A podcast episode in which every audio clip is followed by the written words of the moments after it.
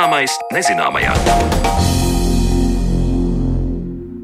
Esiet sveicināti raidījuma zināmais nezināmajā un Sandra Kropa kopā ar jums turpmāko stundu, lai šodien parunātu par šahu. Ne jau pēdējās desmitgadēs šaha cienītāji nepacietīgi gaida pasaules čempioni šahā sievieti, taču aizvien labākā spēlētāja ierindojas tikai pirmajā simtniekā. Kāpēc spēcīgākais spēlētājs šahā aizvien nav viņa un ko par to saka šaha vēsture? Par to jau pavisam drīz runāsim sarunā studijā, bet līdz tam iepazīsim galda spēļu vēsturi.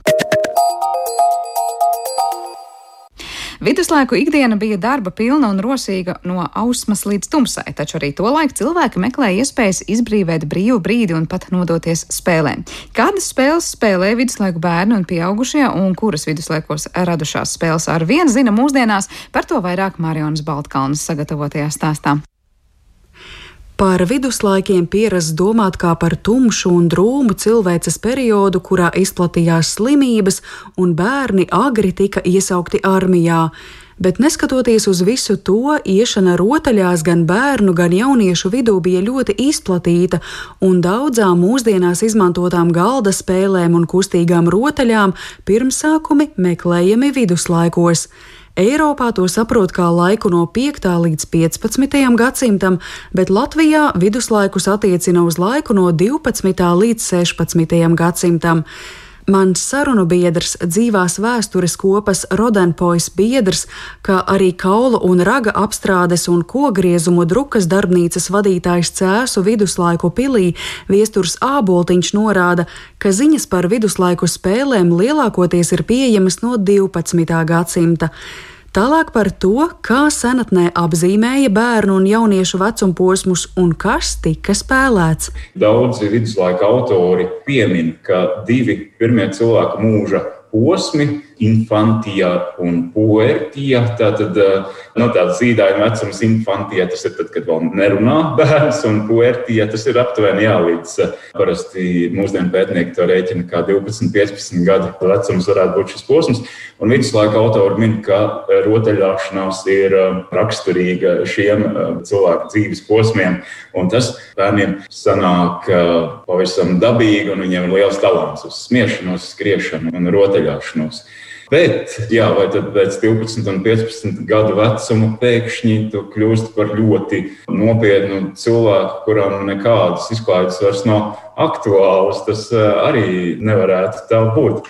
Arī mūsu cēsu pilī ir um, atsevišķi priekšmeti, ko it kā tradicionāli pieskaita bērnu rotaļlietām, tomēr ir atsevišķas norādes, kas norāda vai nu ka pieaugušie to ir gatavojuši bērnu vajadzībām, vai arī Iespējams, paši spēlējuši. Piemēram, mums ir diezgan daudz rūciņu atrasti. Tad tāds cūkas kājas kauliņš, kuram ir nazi, parasti ar nazi izurbināts caurums, un tad iesien viņā diegu, un viņš vienkārši jauki tūks. Nu, tā kā līdzīga mūsdienās cilvēki atcerās to bērnībā darījuši ar pogu. Vai arī govs uh, pirkstkauliņš, falangas kauliņš, kas ir izmantots tādai saudabīgai ķēgļu spēlei. Un daži no šiem dūceņiem, rūceņiem un daži no šiem falangu kauliņiem ir darināti ar profesionāliem darbarīkiem. Tad tas caurumiņš ir nevis izbakstīts ar īlēm, bet izurbts ar urbi. Un tad jā, jautājums, vai tas vecāks tas meistars ar urbi ir taisījis savam bērnam kādu spēļu kauliņu, vai arī viņam pašiem varbūt tie paši rūceņi vēl joprojām kaut kā bija aktuāli. Un nu uz brīdi pakavēsimies pie flāmu gleznotāja Pītera Brēgela vecākā 1560. gadā tapušās gleznas bērnu spēles. Tās oriģināls glabājas Mākslas vēstures muzejā Vīnē, Austrijā, un tās sniedz kopskatu par to, kādas rotaļas bērni varētu spēlēt. Glezna ir lielisks izziņas avots arī spēļu pētniekiem. Tur, kā nu kurš skaita, ir saskaitāms ap kopumā vairāk par 80 dažādas aktivitātes, ko vairāk simti bērnu šajā glāznā, kas ir aptuveni 1,20 m, 1,50 m liela. Dara. Un tur mēs varam novērot milzīgu bagātību. Jā, tur pirmkārt ir dažādas lietas, ko viens pats tu vari darīt. Skriet, peldēt, lekt. Tad uh, ar savu biedru ķermeņa palīdzību arī dzem, piemēram, ja jūs esat seši cilvēki, tad uh, divi no jums var tēlot divas zirgu galvas, divi varbūt divi zirgu rungi, divi atlikušie varbūt divi zirgu jātnieki, kuri tad uzkāp savā zirgā, paņem no virves veidotu cilpu katrs jātnieks vienā rokā, un tad rauja katrs uz savu pusi. Un nu, jā, uzvarētājs būs tas, kas noraus otru no zirga. Un uh, tad var būt dažādas rotaļas, kas uh, pašas vienkāršākās ir atdarinot uh, to, ko bērns redz pieaugušo pasaulē. Un, piemēram, spēlēt bērēs vai kāzās vai kristībās. Mēs, piemēram, mūsdienās varētu spēlēt, nezinu, sājumas debatēs. Nu jā, un tad visbeidzot tad nāk tās spēles, kurās ir nepieciešama kaut kādas bumbiņas, kauliņi vai kociņi, ar ko spēlēties. Jā, un, un visā visumā visu to lielo kopumu var iedalīt vairākās kategorijās. Tad, ja mēs runājam tieši par spēlēm, var izdalīt veiksmes spēlēs, kas visbiežāk ir dažādas metam kauliņu spēles Tad ir prāta spēles, kas ir nu, dažādas galdiņu spēles, kā piemēram nu, mūsdienās zināmākie būtu Dambreta un Šaks un tam līdzīgas, un uh, veiklības spēles arī dzene ar dažādiem priekšmetiem, metot, pārķerot vai pareizi trāpot. Viesturs Āboltiņš skaidro, ka visticamāk renesanse ir tas laiks, kad sports cilvēku ikdienā tiek izdalīta kā atsevišķa aktivitāte, un to labi atspoguļo franču ārsta Fransuāra blēdarbi, tostarp romānu sērija Gargantija un Pantagriels, kurā abi milži īstā olimpiskā garā skriena, lec, stiepjas, pievelkas, spēlē tenisu, pēc tam pārmaina kreklu un vēl tiek izmasēti. Tieši Francijā ap 15. gadsimtu rodas tenis, kas sevī apvienojas izklaides elementus un sportiskās aktivitātes. Arī kāršu spēles, kas Eiropā ienākušas no arābu valstīm, izplatījušās ap šo laiku. Bet, ja runājam par citām bērnu rotaļām, tad te aizmetņi meklējami sanāk. Piemēram, paslēpes varētu būt jau akmens laikmeta spēle. Savukārt tā dēvētās aklās vistiņas manāmas arī Pītera Brēgela gleznā. Vienam no biedriem vai nu tiek uzlikta cepure uz sejas, vai nu arī, ja viņš valkā kapuci, tad kapuci kā atsevišķu apģērba elementu. Šo kapuci var e, uzvilkt otrādi, tā kā viņam tā kapucis aizmugurē ir sejai priekšā. Un, e, jā, tad var darīt visu, ko. Vai nu viņam ir kaut kur jātrāpa, pa kuriem tiek skandināts, piemēram, Pētera Bregala glāzes centrā mēs redzam vienu zēnu, kurš ar nāža asmeni sit pa katlu dibenu. Un otrs ar cepuri uz seju un milzīgu nūju rokā izskatās, grasās trāpīt pa to katlu, bet man izskatās samērā bīstama situācija. Diezgan daudzas no tām bērnu rotaļām samērā nežēlīgas un apceļošas un galīgi bez cenzūras, tā varētu teikt. Un uh, arī uh, dažas no rotaļām vai tādiem izklaides veidiem ir stipri nežēlīgas. Piemēram, Anglijā 13. un 14. gadsimtā tāda klasiska bērnu rotaļa ir gaļu kaujas. Un tad arī bija divas gaitas vienam pret otru, vai um, kaut kādā veidā imobilizēt to gailu, vai kaut kur piesiet vai ierobežot zemē, tā lai paliek tikai galva, un tad mēģināt trāpīt pa to galvu. Lasot, kļūst šausmīgi, bet laikam darīt to bija ļoti jautri. Vēl no bērnības un skolas laikiem daudziem varētu būt labi zināmas rotaļas, kas dārzā Ādamam bija septiņi dēli ar iešanu aplī, dziedāšanu un noteiktu darbību veikšanu.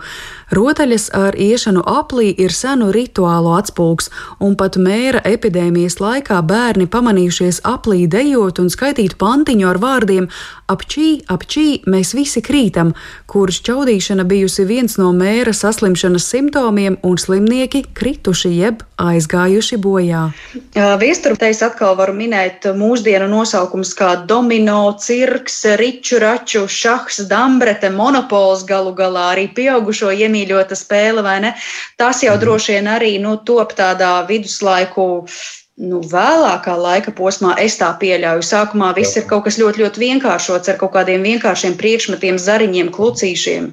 Es bieži saskaros ar tādu viedokli, ka, nu jā, jo senāk, jo primitīvāk. Tas ir tomēr viduslaika, mēs jau kaut kā līdz vidum esam tikuši tajā brīdī. Un ir tāds viens cits nozīmīgs seno spēļu pētniecības avots, ir karaļa Alfonso desmitā sauktu par gudro grāmatu, spēļu grāmatu par kauliņiem, galdiņiem un šahu. un šajā spēļu grāmatā, es nemaldos, bija kādas 11 dažādas spēles, spēlējamas ar uh, metamiem kauliņiem. Un uh, tā laika lielais modes kliedziens, šachs, nonāk uz Eiropiešu galdiem. 12. gadsimtā arī pēc krustkariem. Tā laika jaunums ir spēlēt šahu ar metam kauliņu palīdzību. Iedomājieties, bet es tīri labi varu saprast šo domu gājienu. Tādējādi prāta spēlē, kurā, ja tu zaudē, tad tu esi bijis mazāk prātīgs nekā tavs oponents prāta spēlē tiek eh, pielikts veiksmju spēles elements. Un tātad, ja es zaudēju, nu, man nepaveicās. Tas ir jau tāds vieglāk atzīt. Renesanses laikā rodas pirmkārt milzīga fascinācija ar tādu figūru, ko sauc par fortūnu jeb veiksmi, jeb laimi. Un, uh, tad izrādās, ka izaicināt fortūnu vai pārbaudīt savu fortūnu, pārbaudīt savu veiksmi, tas uh, nav nemaz tik peļami. Tādā veidā radās dažādas zīmēšanas spēles, kuras sākumā tiek aprakstītas grāmatās. Zīmēšanas spēles tāpat ar kauliņiem, divi vai trīs kauliņi tiek nesti, un pēc tā rezultāta tiek kaut kas noskaidrots. Tad jau drukas māksla ir jau kādus gadsimtus labi attīstījusies Eiropā.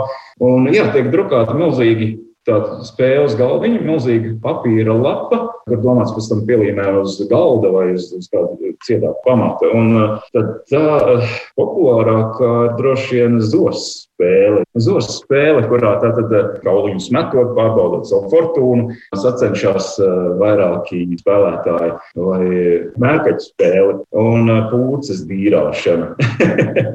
un tad vēl ir arī ēzeļa apkraušana un nokraušana. Tā ir tāda stipra brutāla spēle, cik es saprotu, tu met un tu konstatē, vai tev ir jāiemaksā kaut kas bankā.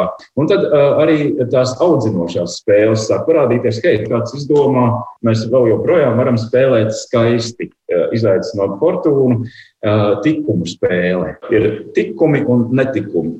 Ja tu tajā ceļā, atkal metot kauliņus, neejot, uzliec uz netikuma, tas tevi pavirza kaut kur atpakaļ. Ja tu savukārt rāpi uz kādu tikumu, godīgā darbā nopelnīt maizi, tā tev aizvedat kaut kur tālāk. Un tas ir kā audzinošos nolūkos.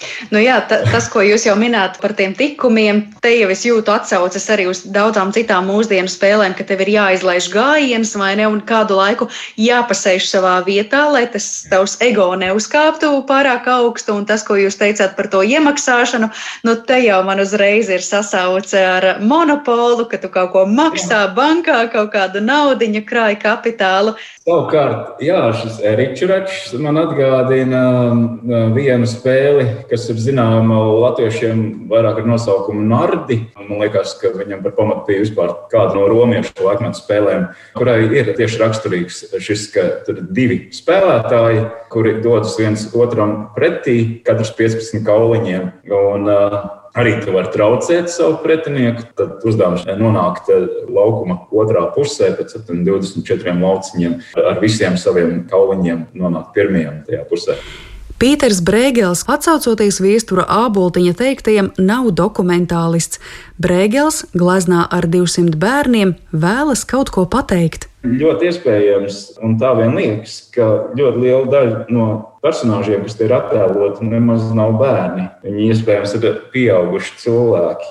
Un tas, ko Pēters Brēgels grib mums pateikt, ka patiesībā visa dzīve ir spēle, un kas ir vēl patīkami šajā ziņā, ja spēle ir cilvēka iedabas viena no galvenajām iezīmēm, tad uh, Mēs ļoti viegli paņemot metam kauliņu, varam ļoti ātri nonākt viduslaiku spēlētāja lomā un, un spēlējot senu spēli, izjust tieši tās pašas sajūtas, ko sajūt viduslaiku spēlētājs ar ārkārtīgi maz ieguldījumiem. Tā ir diezgan maģiska sajūta un tādā ziņā arī ļoti labs vēstures interpretācijas instruments.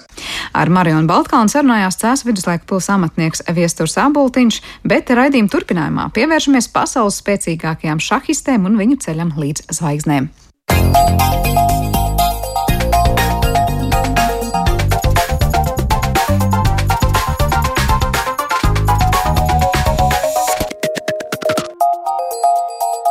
Zināmais nezināmajā. Šachs ir prāta spēle, tā neprasa muskuļu spēku vai fizisku ātrumu kā klasiskie sporta veidi, tāpēc pavisam loģiski šķiet abu dzimumu kopīgie turnīri. Taču aizvien pasaules labākais šahists ir vīrietis, un jau vairākas desmitgades tiek meklēts skaidrojums, Kāpēc? Kā šos rezultātus ir ietekmējis šaha vēsture un kad varam gaidīt pirmo šaha čempioni, sievieti? Par to mēs runāsim turpmākajās minūtēs kopā ar mūsu studijas viesi šaha turnīru organizatoru un vēsturnieku Andri Tihomīrovu. Sveiks, Andri! Labdien! Eh, vispirms jautājums, vai pašu šahistu vidū vispār uzvirmo sarunas un diskusijas par to, kurš tad dzimums ir, es nezinu, labāks eh, rezultāts šahā sasniedzis un kāpēc, un vai kāda tur ir dzimumu līdztiesība un līdzvērtība, vai šie jautājumi ir aktuāli šādu pasaulē? Nu, pēdējā laikā par to runā arvien vairāk, bet tā vispār tā, tāda tāds priekšmets, par ko runāt, tas nav, jo nu, rezultāti pagaidām ir acīm redzami. Nu, tā kā vīrieši ir nu, tik ļoti pārāki, ka par to nu, tā baigi nerunā. Tur. Nu, tā, nu, es domāju, spēlētāju vidū, ja? bet, bet tas, kas ir, teiksim, šaha nu, presē, ja tā var teikt, vai tā informatīvā telpa, tur gan šis jautājums pēdējos gados parādās arvien biežāk. Ar ko tas skaidrojums tavuprāt? Um, tā otra daļa, ko es teicu. Patiesībā jau mēs varam parunāt par abām, bet nu sākšu ar to otro Jā. daļu. Kāpēc es tieši vairāk tādā presē un apkārt cilvēki par to tā runā? Tāpēc, ka mēs vispār esam tā kā sausījušies daudzās jomās skatīties, nu vai sievietes un vīrieši pārstāvētu vienlīdz tur, nezinu, daudz un labi, un vai visiem vienāds iespējas dots, vai mums nav kāda stereotipa par to, kurš labāks, kurš sliktāks. Jā, es domāju, ka tas lielā mērā mm, ir arī nu, galvenais, kas to ir ietekmējis. Jā, jo pagaidām tie rezultāti nu, tā, ie, iepaliek, nu, ir labākie, ja, nu, par augstāko līmeni, ja mēs runājam. Un, bet savukārt par to, ka mm, šaha, teiksim, no tā informatīvajā telpā par to runā, jā, es domāju, ka tas ir saistīts ar to. Nu, gal galā arī pašā šaha federācijā, starptautiskajā, arī ir vairākas sievietes, tā skaitā no Latvijas viena vismaz kas ir augstā amatā. Jā, tā kā mm, arī, arī, arī tajā nu, virzienā mm, parādās. Pat tā no spēles viedokļa. Nu, ir, protams, nu, spēlētājs, kas ļoti labi konkurē ar vīriešiem, bet, bet problēma tajā, ka mm, tā, tā proporcija ir ļoti, nu, tā, nu, disproporcija. Drīzāk, ja? Nu, teiksim, tur viens pret simts varbūt, ja? vai divi pret simts. Tad, teiksim, teiksim viena, divas spēlētājs pret, uh, simts spēcīgiem uh, spēlētājiem, nu, kas ir vīrieši. Ja? Bet samazinoties viņu līmenim, nu, tā kā izlīdzinās tā proporcija. Tas nozīmē vienkārši sieviešu skaitliski ir mazāk šahā, un tāpēc arī mēs retāk dzirdam varbūt par izcilām šahistēm, nu kā pasaules čempionēm. Es pareizi sapratu. Uh, profesionālā līmenī, jā, viņas respektīvi ātrāk varbūt, nu, nezinu, pamet šahu vai ko, nu, kad, jo saskarās, teiksim, ar teiksim, to pārsvaru nu, rezultātos, ja viņiem grūtāk sasniegt. Nu, izcils rezultāts nu, dēļ vīriešu, nu, lielā skaitliskā pārsvara, nu, un arī spēles stipruma.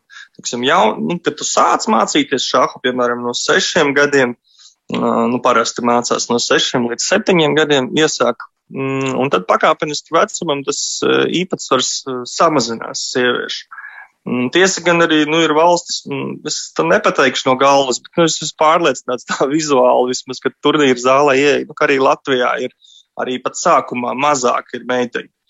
Un, un, un tas, protams, arī nosaka, nu, teiksim, kaut vai tīri no varbūtības, nu, cik liela iespēja ir sievietēm kļūt par ļoti spēcīgām šahistēm. Bet Latvijā vispār mums laba tā sieviešu šaha skola. Mums ir nu, reizniece, rogula, pērziņa, krūmiņa, nu, tādas spēcīgas šahistas arī starp nu, pieaugušajiem. Nu, Tas, ko tu minēji, ka arī jau bērnībā ir mazāk šah, šahās meiteņu nekā puišu, vai tavuprāt tas ir saistīts arī ar kaut kādu stereotipisku domāšanu, nu, ko tad mēs meiteni vedīšu uz šahu, vai Nē. nav pamata tādā aizspriedumā? Es domāju, ka tur ir droši vien vairāk iemeslu, bet viens ir tāds, ka, protams, turnīros es esmu dzirdējis to frāzi no, no, no, no vecākiem īstenībā, ja, kad pēc zaudētas partijas, nu, nav reta frāze. Tētis tur vai māma pasaka savai meitenei, nu nekas tad tur ar puiku spēlē, nu nepārdzīvo, ka zaudēja. Tā kā, tas tā kā ir arī vecāku galvās. Bet es, eh, tu teici, ir vēl arī citi iemesli. Kas tad ir vēl tie citi, kas būtu labi? Viens ir šo vecāku galvās esošie aizspriedumi, kam ir kura vieta iespējama šākā. Eh, kādus tu vēl minētu par tiem iemesliem? Kāpēc tie ir jau bērnībā meitenes retāk ir šahistu rindās? Nezinu, varbūt tāpēc, ka nu, es par to tā neesmu domājis, bet es domāju, ka tur ir nu, kaut vai tas, ka viņš nu, tradicionāli, nu, protams, atkarīgs no vietas. Piemēram, tur, kā es minēju, tās uh, Latvijas stiprās šahistas, viņas lielā ziņā tur arī ir saistīts uh, daudzajādā ziņā ar kuldīgi, nu, reģionāli, piemēram, tur um, nu, vai kurzemi, ja, kur uh, nu, bija tā kā nu, spēcīga meiteņa, teiksim, šaha skola. Un, piemēram, ja tu aizēji uz šaha skolu, nu, piemēram, vecāks aizved, ja, ja viņš redz, tur, ka pārsvarā ir uh, puikas, nu, tad tas atkarīgs jau no, no vecākiem, vai viņi grib, teiksim, turpināt, ja, varbūt viņi grib, uh, nu, meiteni vest uz, uh, nezinu, nodarbībām kaut kādām, varbūt, kur ir līdzēk, līdzīgāk tā proporcija, vai, vai tikai meitenēm paredzēts. Es domāju, ka tie ir tādi nu, praktiski apstākļi. Nu, varbūt dažiem ir uz to aizspriedumu, nu, acīm redzot. Bet, bet tā, es... grūti. Jā, es saprotu, ka ir pētījumi, kas parāda nu, no tādām kognitīvajām spējām, ja, kas apliecina, ka tas nebūtu tā, ka sievietes atpalikt no vīriešiem kādos rādītājos un ka stratēģijas kaut kādas izvēlētos atšķirīgas. Kā tu, kuram ir pieredze arī mācot šahu, teiktu, domā sievietes šahā atšķirīgi no vīriešiem? Jā, bet tas arī, kā tu teici, uh, atspoguļojas arī ārpus šā. Citos uh, arī sporta veidos, nu, piemēram, ir tad uh, viena raksturīga iezīme ir, kāpēc viņu ir interesanti skatīties. Sieviešu šahu ir līdzīgi kā sieviešu futbolu skatīties. Sievietes um, šahā arī, kad ir, nu, jau profesionālā līmenī, bet izteikti tas ir, kad ir jaunāks, un gandrīz nekad nepadodas. var arī nemaz necerēt, ka, ja tu spēlēsi pret kādu meiteni, tur nezinu, ka viņi tur ātri padosies šahā, pat ja būs, nu, tā kā saka, zaudēta partija. Nu, viņas izteikti cīnās līdz galam. Jā, tas ir viens no, nav, protams, tur simtprocentīgi, mēs tā nevaram par visām teikt, bet tā ir raksturīga tā iezīme ka viņas cīnās līdz galam. Un, ja pastāst, piemēram, sieviešu futbolu, tas ir ļoti skatāms. Jā, jo tur pirms sievietes, viņas, kad nokrīt, mums nav tā kā, mm, nezinu, Spānijas vai Itālijas futbolisti, kuri tur pavārtīsies pa zālīti. Jā, tur kārtīgi dabūs dzelteno kartīti, viņi tad piecelsies. Un, uh, tur, uh, bet uh, sieviešu futbolā viņas tur, tur līdz asinīm, ja tur sadauzītas, bet skrien un ceļās. Un tā kā sportā, es nezinu, es tā esmu ievērojis, man nav nekāda pētījuma, bet es novēroju cīnītājs līdz galam. Kā ir ar to emocionālo noturību? Tas liek domāt arī, ka es nezinu, mēs reti redzēsim, lai gan es šahā, es domāju, vispār mēs reti laikam redzēsim, ja tāds uh, emocionāls sabrukums vai, es nezinu, psihošanu vienkārši sakot to, ka kaut kas neiet. Vai var teikt, ka emocionāli sievietes šahā reaģē vai, es nezinu, izteiktāk vai mazāk izteikti uz notiekošo? Nu, tas, ka tur emocijām ir vieta, tas ir noteikti. Jo, piemēram, es pats esmu ļoti emocionāls, un tāpēc es neesmu sasniedzis uh, tieši kā spēlētājs tur augsts sasniegums, jo tas traucē tiešām. Ja? Un, tā kā es varbūt, uh, tā kā es varētu teikt par to, ka, ja tu esi pārlieku emocionāls, tad tas tiešām traucē. Nu, tā, to es no savas pieredzes varu pateikt. Uh, Bet vispār spēlētāji, jā, nu, bieži uzvedās ļoti emocionāli. Bet tas pats arī pašlaus čempions. Viņš tur lauž pildspalvas dažreiz pēc zaudētām partijām. Un tā. Bet tas, starp citu, ja parunā par tām atšķirībām, kas varbūt, nezinu, emocionālais nezinu, kas tas to pateikt pareizāk, tips ja, cilvēka. Uh, un fiziskais, ko sākumā tu pieminēji, ka tajā pieteikumā, ka it kā nav fiziskās tās barjeras šahā. Nu, jo, nu, it kā jātērē tikai smadzeņu resursi, diemžēl ir viņš kaut kādā mērā. Un, um, nezinu, procentus precīzi tur nepateikšu, bet man šķiet domāt, ka kaut kādi, nu, desmit jābūt procentiem fiziskajiem. Un, um, jo redz tās partijas, kas ir profesionāla līmenī, ja mēs runājam par iespējams nākamo sievietu pasaules čempionu, viņš ir diezgan nozīmīgs. Ja? Nu, kaut kādiem 10% vajadzētu būt. Nu, bet neviens skaidri nezina, bet tas, tas, tas tā, tīri no visa, ko es esmu lasījis un novērojis. Un, um, un tā komponenta ir būtiska, un, un, un tad jābūt attiecīgi fiziskam spēkam. Tas tev palīdz, ja tu esi spēcīgs. Bet fiziskais spēks, mēs kādreiz ar tevi esam jau par šahu runājuši, tīri no tādas tiešām kā sporta veida, un kāpēc daudziem ir jautājums, kāpēc tur ir sports. Tā ir tieši tā muskuļu slodze, kas ir nepieciešama, tad, kad mēs sēžam stundām ilgi. Jā, jā, tieši tā. Gan muskuļi, gan arī tā nu, tur elpošana, jo tur mainās uh, slodzes ļoti strauji. Vienu brīdi tev ir paaugstināts asinsspiediens, pātrināta elpošana, ja kaut kāda minūte, pusotru, divas. Un tad viņi atkal samazinās. Nu, atkarīgi no tā, kam gājiens ir pretiniekam vai tev. Un tad partijas laikā tādas izmaiņas notiek, pieņemsim, 40, 60 reizes. Un tur dažas, tur divas, trīs stundu laikā kaut kā tur. Un, uh, un tad, tas arī rada to, un, protams, paaugstināta smadzeņu darbība. Jo atšķirība, piemēram, no amatieru spēlētāja vai no profesionāla ir tā, ka amatieris nu, mazāk, teiksim, intensīvi domā. To, to tiešām ir arī tur mērījuši, un to arī var redzēt. Profesionāls viņš ļoti, ļoti iedziļinās. Nu, viņš faktiski ir bez spēka pēc partijas.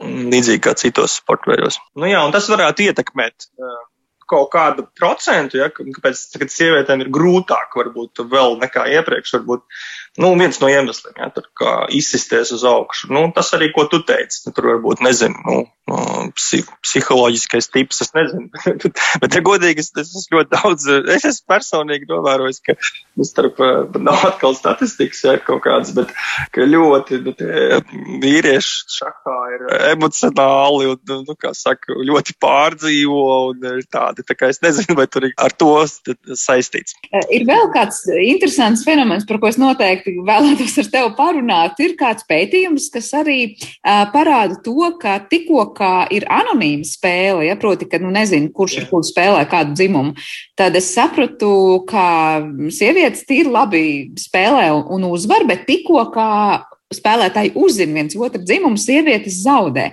Vai tā ir tiesa, un, ja tā, kāds ir tas tavs skaidrojums, kāpēc tā notiek? Jā, es domāju, ka tas ir tā ir patiesība nu, nu, nu, no praktiskās arī pieredzes. Redzi, kā tā ļoti ietekmē šahā, diemžēl, vai par laimi, es nezinu, tu, kad apsēdies pretī pretiniekam, nu, tev pasaka ļoti skaidri tavas iespējas uzvarēt, jā, matemātiski to visi, piemēram, pokerā to varbūt grūtāk pateikt, nu, kur arī ir kaut kādas tās varbūtības, nu, kur, nu, citos sportveidos arī. Piemēram, šahā ir reitings. Jā, un, ja spēlē, piemēram, tur ir reitings, piemēram, ja tev ir reitings 2000 un pretiniekam 2800, nu, reitings, ja, tad kaut kāda tāda punktu starpība. Tu zini, matemātiski tev ir 0% iespējas vinnēt. Nulle. Ja, tad, tad no, tur necik nav iespējas. Un mainoties tā reitingu starpībai, mainās matemātiskā iespēja uzvarēt. Nu, un, piemēram, ja pretī apsēžās, nu, tur nezinu, vīrietis, un tu esi sieviete, vai arī otrādi, tu esi bērns, un pretī ir pieaugušais, vai, vai kāda cita kombinācija, ja tu zini, ar ko tu spēlē, tev ļoti ietekmē nu, tā mat matemātiskā iespēja. Un es, piemēram, anonīmi, ja tas, ja, tas pētījums bija, ko tu saki, anonīms, es, es esmu pārliecināts, un es esmu pats mēģinājis, ka es labāk spēlēju internetā uh, partijas, ja es nezinu pretinieku reitingu. Tur var uzlikt tādu, teiksim, podziņu, ka tu novāc tos to, ka tu partijas laikā redzi, cik stiprs ir pretinieks. Jo pretinieka tas stiprums, ka tu viņu zini, tev ietekmē. Es domāju, tas arī Latvijas futbola izlases panākuma atslēga. Ja mēs nezinātu, par ko mēs spēlējam, mēs tur šeit labāk spēlējam. Tas nozīmē, ka tajā brīdī, kad tā pati sieviete uzzina, ka pretim ir vīrietis, tad viņi sāk sliktāk spēlēt, tāpēc, ka ir tas stereotips, ka vīrietis noteikti ir labāks šahists. Es pareizi saprotu, tas būtu līdzvērtīgi. Jā, es domāju, ka jā, jā, jā. Jā, jo profesionāļiem, protams, nu, tur sievietē profesionāli, es nezinu, vai tajā pētījumā tur visāds detaļas tad jānoskaidro, jo, piemēram, vai viņa, teiksim, nu, zināja to Mm, vīriešu tur to līmeni, jo, piemēram, tur mm, profesionāļi, nu tā, viņi nu, to līmeni uzreiz tā kā zina, ja. Bet tā caurmērā, ja tiks, teiksim, tas, nu, nu, respektīvi, kas tās bija, pa kāda līmeņa spēlētājas tur tajā aptaujā vai pētījumā bija, tas varbūt ir jautājums arī svarīgs. Jo caurmērā, jā, es zinu, ka cilvēki, kas nav tuvu šaham, viņi uzskata, ka pieauguši vīrieši caurmērā, nu, tā kā nu, nu, ir spēcīgāk. Ne, nu, statistika to rāda, bet, bet stereotips tāds ir. Tad, kad man atnāk kaut kādi cilvēki pirmo reizi uz turnīru, es saku, ka nu, jūs nevarat rēķināties ar to, ka maza meitenīte ir vāja spēlētāja, ja? vai, piemēram, ka vecs onkulis ir stiprs spēlētājs, nu, ka tas dzimums un vecums ir absolūti mānīgs nu, tādos atklātos turnīros. Ja? Tur, tur nevar pateikt neko. Bet ir spēlētājiem tāds kaut kāds šahā, nu, zelta laiks. Es nezinu, vai tas ir ļoti jauni spēlētāji, vai tie ir tieši ar lielu pieredzi un jau noteikti tur pusmūžā, vai vecumam vispār ir kaut kāda saistība ar to, kāda ir rezultāti. Mm, jā, bet tas, tas, tas gan ir līdzīgi kā citos sporta veidos. Tur ap 25 gadi 30 tu sasniedz tu to zenītu. Ja? Vai, nu, te ir runa par, protams, augstāko līmeni. Ja? Vai tu sasniegsi pasaules klasi vai nē. Ja tu uz 25 neesi viņu sasniedzis, tad eh, diez vai tas arī tur notiks. Ja? Ir kaut kādi ārkārtīgi tur reti izņēmumi, varbūt tikai uz to, cik ilgi tu vari noturēties augstā līmenī. Un šeit gan ir paralēlis ar fizisko, nu, tādu sporta veidu, nu, futbols tur citi. Tā kā tas sakrīt, jā. Cik tālu šobrīd mēs esam no pirmās šaha pasaules čempionas sievietes, kura ir tā, nezinu, kura pretendē varbūt uz šo Jā. titulu visreālāk, un es saprotu, viņa laikam ir diezgan jauna arī gados. Es domāju, viņai šobrīd varētu būt gadi, eh, divi vai četri. À, tu domā pavisam jaunu. Tad, nu, ja nopietni, jo es domāju, ka mēs vēl nezinām viņas vārdu, tāpēc, ka mm, varbūt viņa jau ir piedzimusi. Jo mm, tās sievietes, kas ir nu, šobrīd visaugstākajā līmenī, viņas nepretendē vairs uh, uz pasaules čempionu titulu. Un tur konkurence ir liela. Es domāju, to varēs uh, pateikt divos gadījumos, kad būs sieviete pasaules čempioni. Un to es ļoti gaidu, starp citu, jo dators jau sen uzvarēja, ja, 97. gadā pasaules čempionu vīrieti, tā kā sieviete arī laiks ir. Un, uh, es domāju, ka tas būs divi, divi, divi veidi. Vai nu mēs, tad, kad mēs reitinga pasaules simts stiprāko šahistu vidū redzēsim, nu, kādas 30 sievietes, tad jau mums ir laba iespēja. Šobrīd ir tikai viena no Ķīnas. Tad, tad vajag tīri kaut kādu, nu, matemātiski arī, nu, labu iespēju. Pēc tam tā, kas ir, man liekas, lejas galā. Nu, te, es domāju, ka 80. 70. vieta viņai vajadzētu būt. Uh, mums vajadzētu desmitniekā kādas sievietes, divas, jā, tad divdesmitniekā kādas trīs, piecas, jā, nu tā tālāk. Nu, lai ir iespēja, jo tur ļoti sīva konkurence arī starp vīriešiem. Ja, jo, piemēram, tas pats otrajā, trešajā, šobrīd ceturtajā vietā esošie vīrieši nav zvanīts, ka viņi kļūs par čempioniem. Viņiem grūti ir. Ja? Nu, domāju, tev ir otrā, trešā, ceturtā vieta, grūti kļūt par čempionu tad, uh, kur mums tur runa varbūt par 87. spēlētāju vai 70. un tur nav vairs runa par dzimumu. Ne? Un uh, otrs, tad, tad es domāju, ka tai trešdaļai vajadzētu būt sieviešu tajā sarakstā. Tas būs pirmais rādītājs, un tas varētu notikt, nu, tuvāko gadu, nezinu, 50 laikā. Grūti parorganizēt. Diezgan, diezgan tālu tā robeža, bet tas, es saprotu, vairāk. nu, jā, tāpēc, ka ir saistīts ar to paudžu arī nomaiņu, ja, un proti laiku, kurā izauga, nu, nezinu, tik daudz uh, spēlētāju, kas tiešām pārņem to, to, to, to statistiku mazliet arī, lai tīri vairāk sievietes vispār piedalās šahā.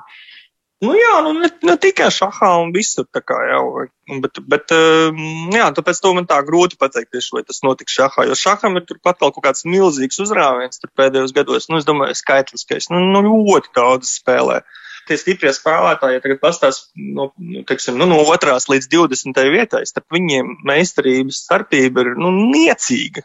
Nu, vispār gandrīz nekāda. Un, ja pastāst par 20 gadus atpakaļ, un no Dievs vēl sanāk, tad starp otro un 20. vietu jau bija tāda, nu, aiziņa tāda, ja tāda Latvijas izmēra, tad nu, tāda kārtīga aiza tāda. Tagad, teiksim, otrā vieta vai 20. vairs nav liels starpības. Ar ko tu to skaidro? Ar to, ka ir šī trenēšanās iespēja, es nezinu, spē, iespēja spēlēt ar datoru katram, es nezinu, cik viens stundas vēlas dienā, un kas agrāk nav bijis, vai vēl kādi citi varianti. Nu, ļoti daudzi nu, tur iemesli, bet jā, dators noteikti ir iemesls, eh, viens no iespējams eh, galvenajiem, jo, piemēram, tur Tagad tas dators uz portatīvā datora, ja tev ir nu, tāda līmeņa, tas spēlētājs, kas tur sapņos nerādījās nevienam, uh, tur pat desmit gadus apakaļ. Un, uh, tas nozīmē, ka tev ir nu, visaugstākās tur klases, teiksim, uh, treneris pieejams uh, mājas apstākļos par, nu, praktiski tur bezmaksas, var teikt, nu, datoru iegādes izmaksas faktiski. Un, uh, ja tu māki ar viņu strādāt, tad uh, Mm, tad jau, teiksim tā, ja tu gribi to šahā sasniegt rezultātus, strādāt 8, 12 stundas dienā, tad to var sasniegt. Nu, tā.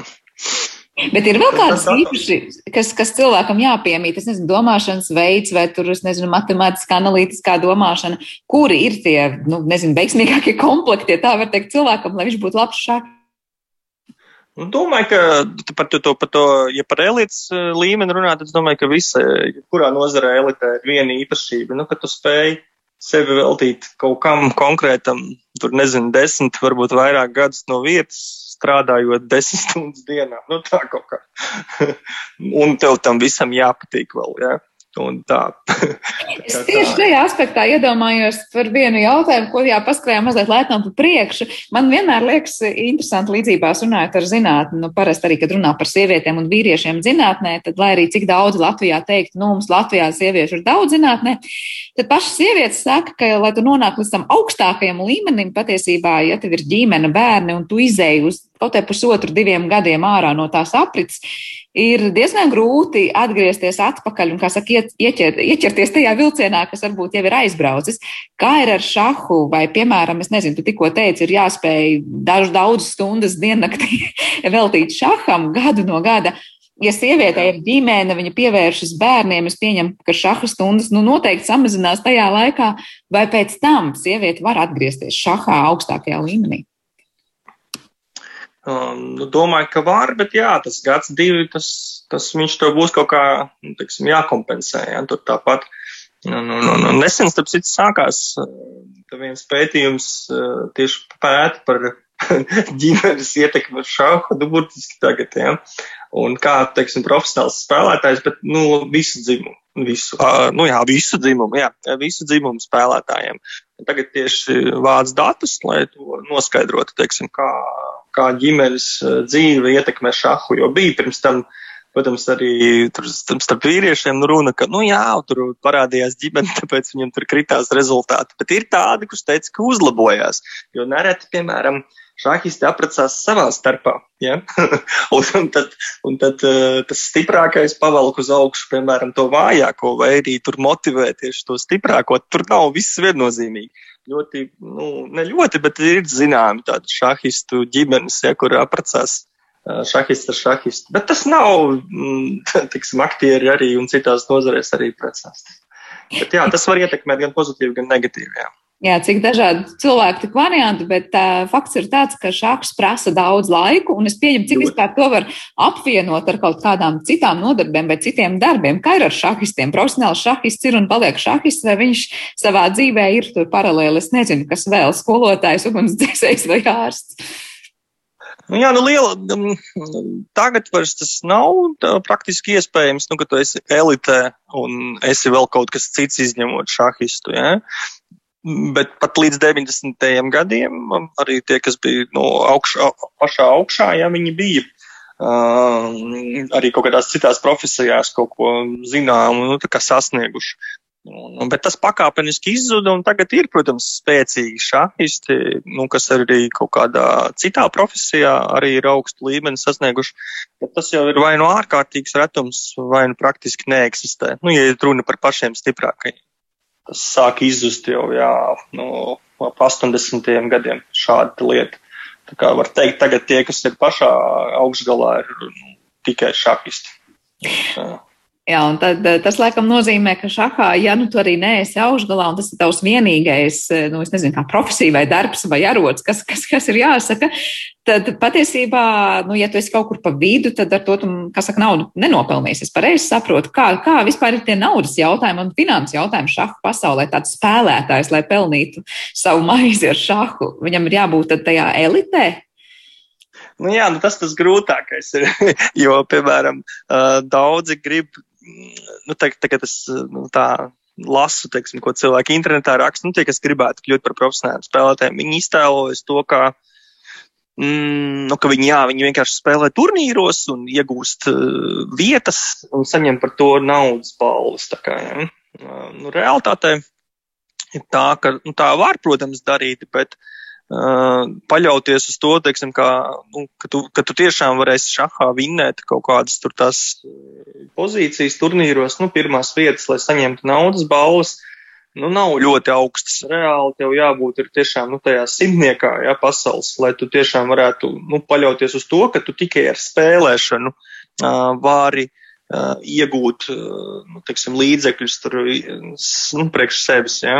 Jā, pārējiem ir jādomā jau arī par kaut kādām citām lietām. Nu, tur trenēšana, tur nezinu, citas kaut kādas ar šāku saistītas aktivitātes. Citiem ir tagad, piemēram, pavērusies ļoti labi iespēja ir nu, YouTube Twitchā ir tie streameri, ja, kas pārēda šaha partijas un komentē viņas, nu, vai taisa raidījums. Nu, tur ir ārkārtīgi jau, teiksim, populāri daži spēlētāji, un, cik es saprotu, arī saņem pieklājīgi uh, samaksu, kuri nekad ar spēli savu nebūtu nu, to spējuši izdarīt. Nu, tā kā parādās arī tādi nu, varianti, kā nopelnīt šahā. Bet tas patiesībā iezīmē vēl vienu tādu nu, sociālo varbūt, aspektu, kā mēs runājam par dzimumu līdzvērtību šahā. Uh, varbūt tiešām, ja tur ir jādomā, kā to visu savietot ne tikai ar mājas dzīvi, bet varbūt vēl ar profesionālo darbību. Nu, protams, ka gan vīrieši, gan sievietes saskarās ar lieliem izaicinājumiem, bet ja turklāt tiešām nāk kaut kāda trūks vēl par bērniem un māju, tad sievietei nu īsti ir laikam grūtāk atrast tās stundas, ko izbrīvēt šaham. Un līdz ar to viņas varētu būt mazāk pārstāvētas uh, šaha pasaulē, ja mēs tā globāli runājam. Jā, nu varbūt, varbūt tur tā, tas tā viegli tā spriest. Nu, tā, nu, tīri, tā, es domāju, tas tāds sarunas līmenī, bet kā ir tur realitātē, vai grūti pateikt īstenībā. Tad jo. tiešām vajag kaut kādu pētījumi. Jā, jā jo es saprotu, tie pētījumi vismaz nu, par to, ka sievietes būtu sliktākas šahis, tas nav, tas neapliecina to, izņemot to, ka ir šie eh, aizspriedumi vai šie reitingi, kas ietekmē to sajūtu. Bet citādi. Jā, tā tad nav pamata domāt, ka sieviete šahā spēlētu, domātu citādāk un sliktāk nekā vīrietis. Jā, nu, iespējams, ka ir kaut kāds, vienkārši, ja tas skatās visu pasauli kopumā, iespējams, ir kaut kādas, nezinu, teritorijas vai situācijas, un kur viņām ir grūtāk, nu, tā kā izlausties cauri ar gan tiem stereotipiem, nu, kā es nezinu, tur, nu, viņi tur cenšas, piemēram, mācīties kaut kādā valstī šahu un kļūt par profesionālu spēlētāju, viņi tur Droši vien visu laiku jāsaskarās ar situāciju, nu, ko tu tur sievieti, liens vīriešu sporta veidā, nu, un tad līdzīgi, ja tur, un tad eh, cik ilgi arī to var izturēt. Skats, ka viņai ir lielāki, nu, šķēršļi tīri no, no cilvēku uztvers. Bet tā pati Judita Polgara, ja, kas bija mm, vistuvāk šim te mērķim, viņai tieši nu, tajā brīdī, nu, tā, teiksim, uz šīm lietām viņi skatījās savādāk. Nu, tur īpašs gadījums. Viņai tētis tāds bija, gribēja pierādīt, ka jebkuru var uh, bērnu izaudzināt par, uh, nu, par lielmeistaru, un viņam bija trīs meitas. Viņš visas tur izveda līdz augstam līmenim, teiksim. Nu, tas tāds jau varbūt cita problēma, ja kā saka. Bet jā, Tā kā noteikti, ka viņām ir jāpārvar vairāk šķērsļu, lai nokļūtu elitē. Es domāju, ka noteikti nu, tā. Bet cik sen vispār ir tāda turnīra, kad kopā spēlē abi dzimumi? Vai tas ir kaut kāds bijis lūzuma posms šāda vēsturē, kad uh, vispār lika kopā spēlēt gan vīrieši, gan sievietes? Mm, tas ļoti labs jautājums. Es, es, es domāju, ka uh, sens Es zinu, ka jau 30. gados tā esošā čempiona spēlēja starp vīriešiem vienā turnīrā. Bet eh, to, tajā laikā, teiksim, pirms simts gadiem aptuveni, nu, sievietes, kas labi spēlē šāpu, bija tik maz, ja, ka uh, to tāpat grūti tā komentēt. Ja. Nu, tas ir tiešām tur viens. Es vispār zinu vienu tikai no pirms simts gadiem spēcīgu šahisti sievieti. Un tad viņas tur pakāp un ar PSRS, ja, faktiski pēc otrā pasaules kara Tur parādās ļoti, ļoti spēcīgas uh, sievietes šahistas. Bet tā turnīri vispār sākotnēji, starp citu, nemaz nebija plānoti atsevišķi tur sievietēm. Nu, dēļ tā, ka viņi bija ļoti maz. Tagad kaut kā viņi parādās vairāk tieši sievietēm paredzēt turnīri ar domu, nu, starptautiskajai šaha federācijai, cik es saprotu, tieši lai palielinātu meiteņu sieviešu nu, skaitu šahā. Jo nu, šobrīd teiksim, viņām ir nu, tas ir tā, tā tāds nezinu, mehānisms, varbūt, kā viņām palīdzēt nu, tā, sasniegt augstāku līmeni. Jo, ja viņas tur iemet eh, starp vīriešiem spēlēt, mm, tad varbūt viņām ir mazāk, teiksim, iespēju vinnēt turnīrus. Bet ir arī otrs uzskats, tas ir viens uzskats, tas nav mans uzskats. Otrs uzskats ir tieši, ka nevajag tādas sieviešu turnīrus, ka tieši tas bremzē uh, sieviešu iespējas nokļūt mm, visaugstākajā līmenī, ka nevajag taisīt tādus, ka vajag visām, mm, visiem spēlēt jau uh, kopīgos turnīros un no paša sākuma. Kurš viedoklis ir tev tuvākais? Otrs, man liekas, ka, jā, ka tas varētu arī, nu, tad tas rāda vienkārši, iedomājies, tu visu, nu, tur spēlē, spēlē sieviešu turnīros, un tu gribi pārslēgties uz vīriešu turnīriem. nu, jau pa vēlu varbūt, jo tad tev tiešām varbūt ir tās bailes no stiprajiem vīriešiem, kas stereotips kaut kāds. Tā. Jā, tā laikam tiešām būtu tāda ļoti laba vide stereotipu kultivēšanai, bet, eh, kā tu teici, Jā. Eh, laiks vienalga ir vajadzīgs, lai izaugtu jauna paudze, kurā var teikt daudz vairāk, skaitlis vairāk sieviešu vienkārši piedalītos šahā, un eh, šaha čempione, pasaules čempione, es saprotu, mums vēl tiešām ir aiz kalniem, lai cik tas arī varbūt skumji neizklausītos. Nu, varbūt es ceru, ka būs, zinās, šākā dažreiz ir tādi meteorīti, kas tur parādās, ja, un uh, tas pats Karlsets Norvēģijā. Norvēģija absolūti nebija šāda valsts, un viņš tur uzrādījās. Ja? Un, un vecāki bija tas izšķirošais, ja teiksim, tā ģimene. Ja? Viņi nu, tā pievērsta tam uzmanību, viņiem palīdzēja, kā varēja, nu, un pārkārtoja pat savu dzīvi ne tikai vecāki, bet visa ģimene. Ja? Un viņi brauca pat vairākus gadus, viņi spēlēja pa turnīriem, nu, tā kā nu, brauc līdzi savam brālim vai dēlam. Ja? Un, nu, tas ir tāds, nu, all-in, kā saka, ja, viss vai neko tāds upuris, ja, vai. Un Norvēģija un Karlsens varētu būt kaut kas līdzīgs, kā kaut kur pasaulē varbūt uzradīsies meitene, tāda, ja tagad varbūt jau ir uzradusies, kur cilvēki arī veltīs tam, nu, viņai, nu, šim te viņas talantam vai interesē tik lielu uzmanību, un viņi var, teiksim, izsisties pat ļoti ātri, ja, pat pasaules čempionu. Tā var gadīties. Bet, ja iet parasto ceļu attīstības, tad es teiktu, ka tas ir pailgi. Tad, es domāju, pirmā pazīme būs, kad mēs redzēsim tajā pasaules simts labāko spēlētāju vidū, kāds, nu, 20, 30 sievietes, un nu, divām, trim jābūt tajā desmitniekā. Jā, nu skatīsimies un gaidīsim un lūkosim, kas notiks tālāk. Paldies, Andri, tev par šo sarunu. Es atgādināšu mūsu klausītājiem, ka mēs dzirdējām šaha turnīru organizatoru un vēsturnieku Andri Tihomīro šajā raidījuma pusstundā. Ar to arī raidījums ir izskanējis un par to parūpējās producenta Paula Gulbinska. Mūzikas redaktors šajā stundē bija Girds Bišs un ar jums kopā bija Sandra Kropa. Mēs tiekamies jau atkal rīt. Visu labu!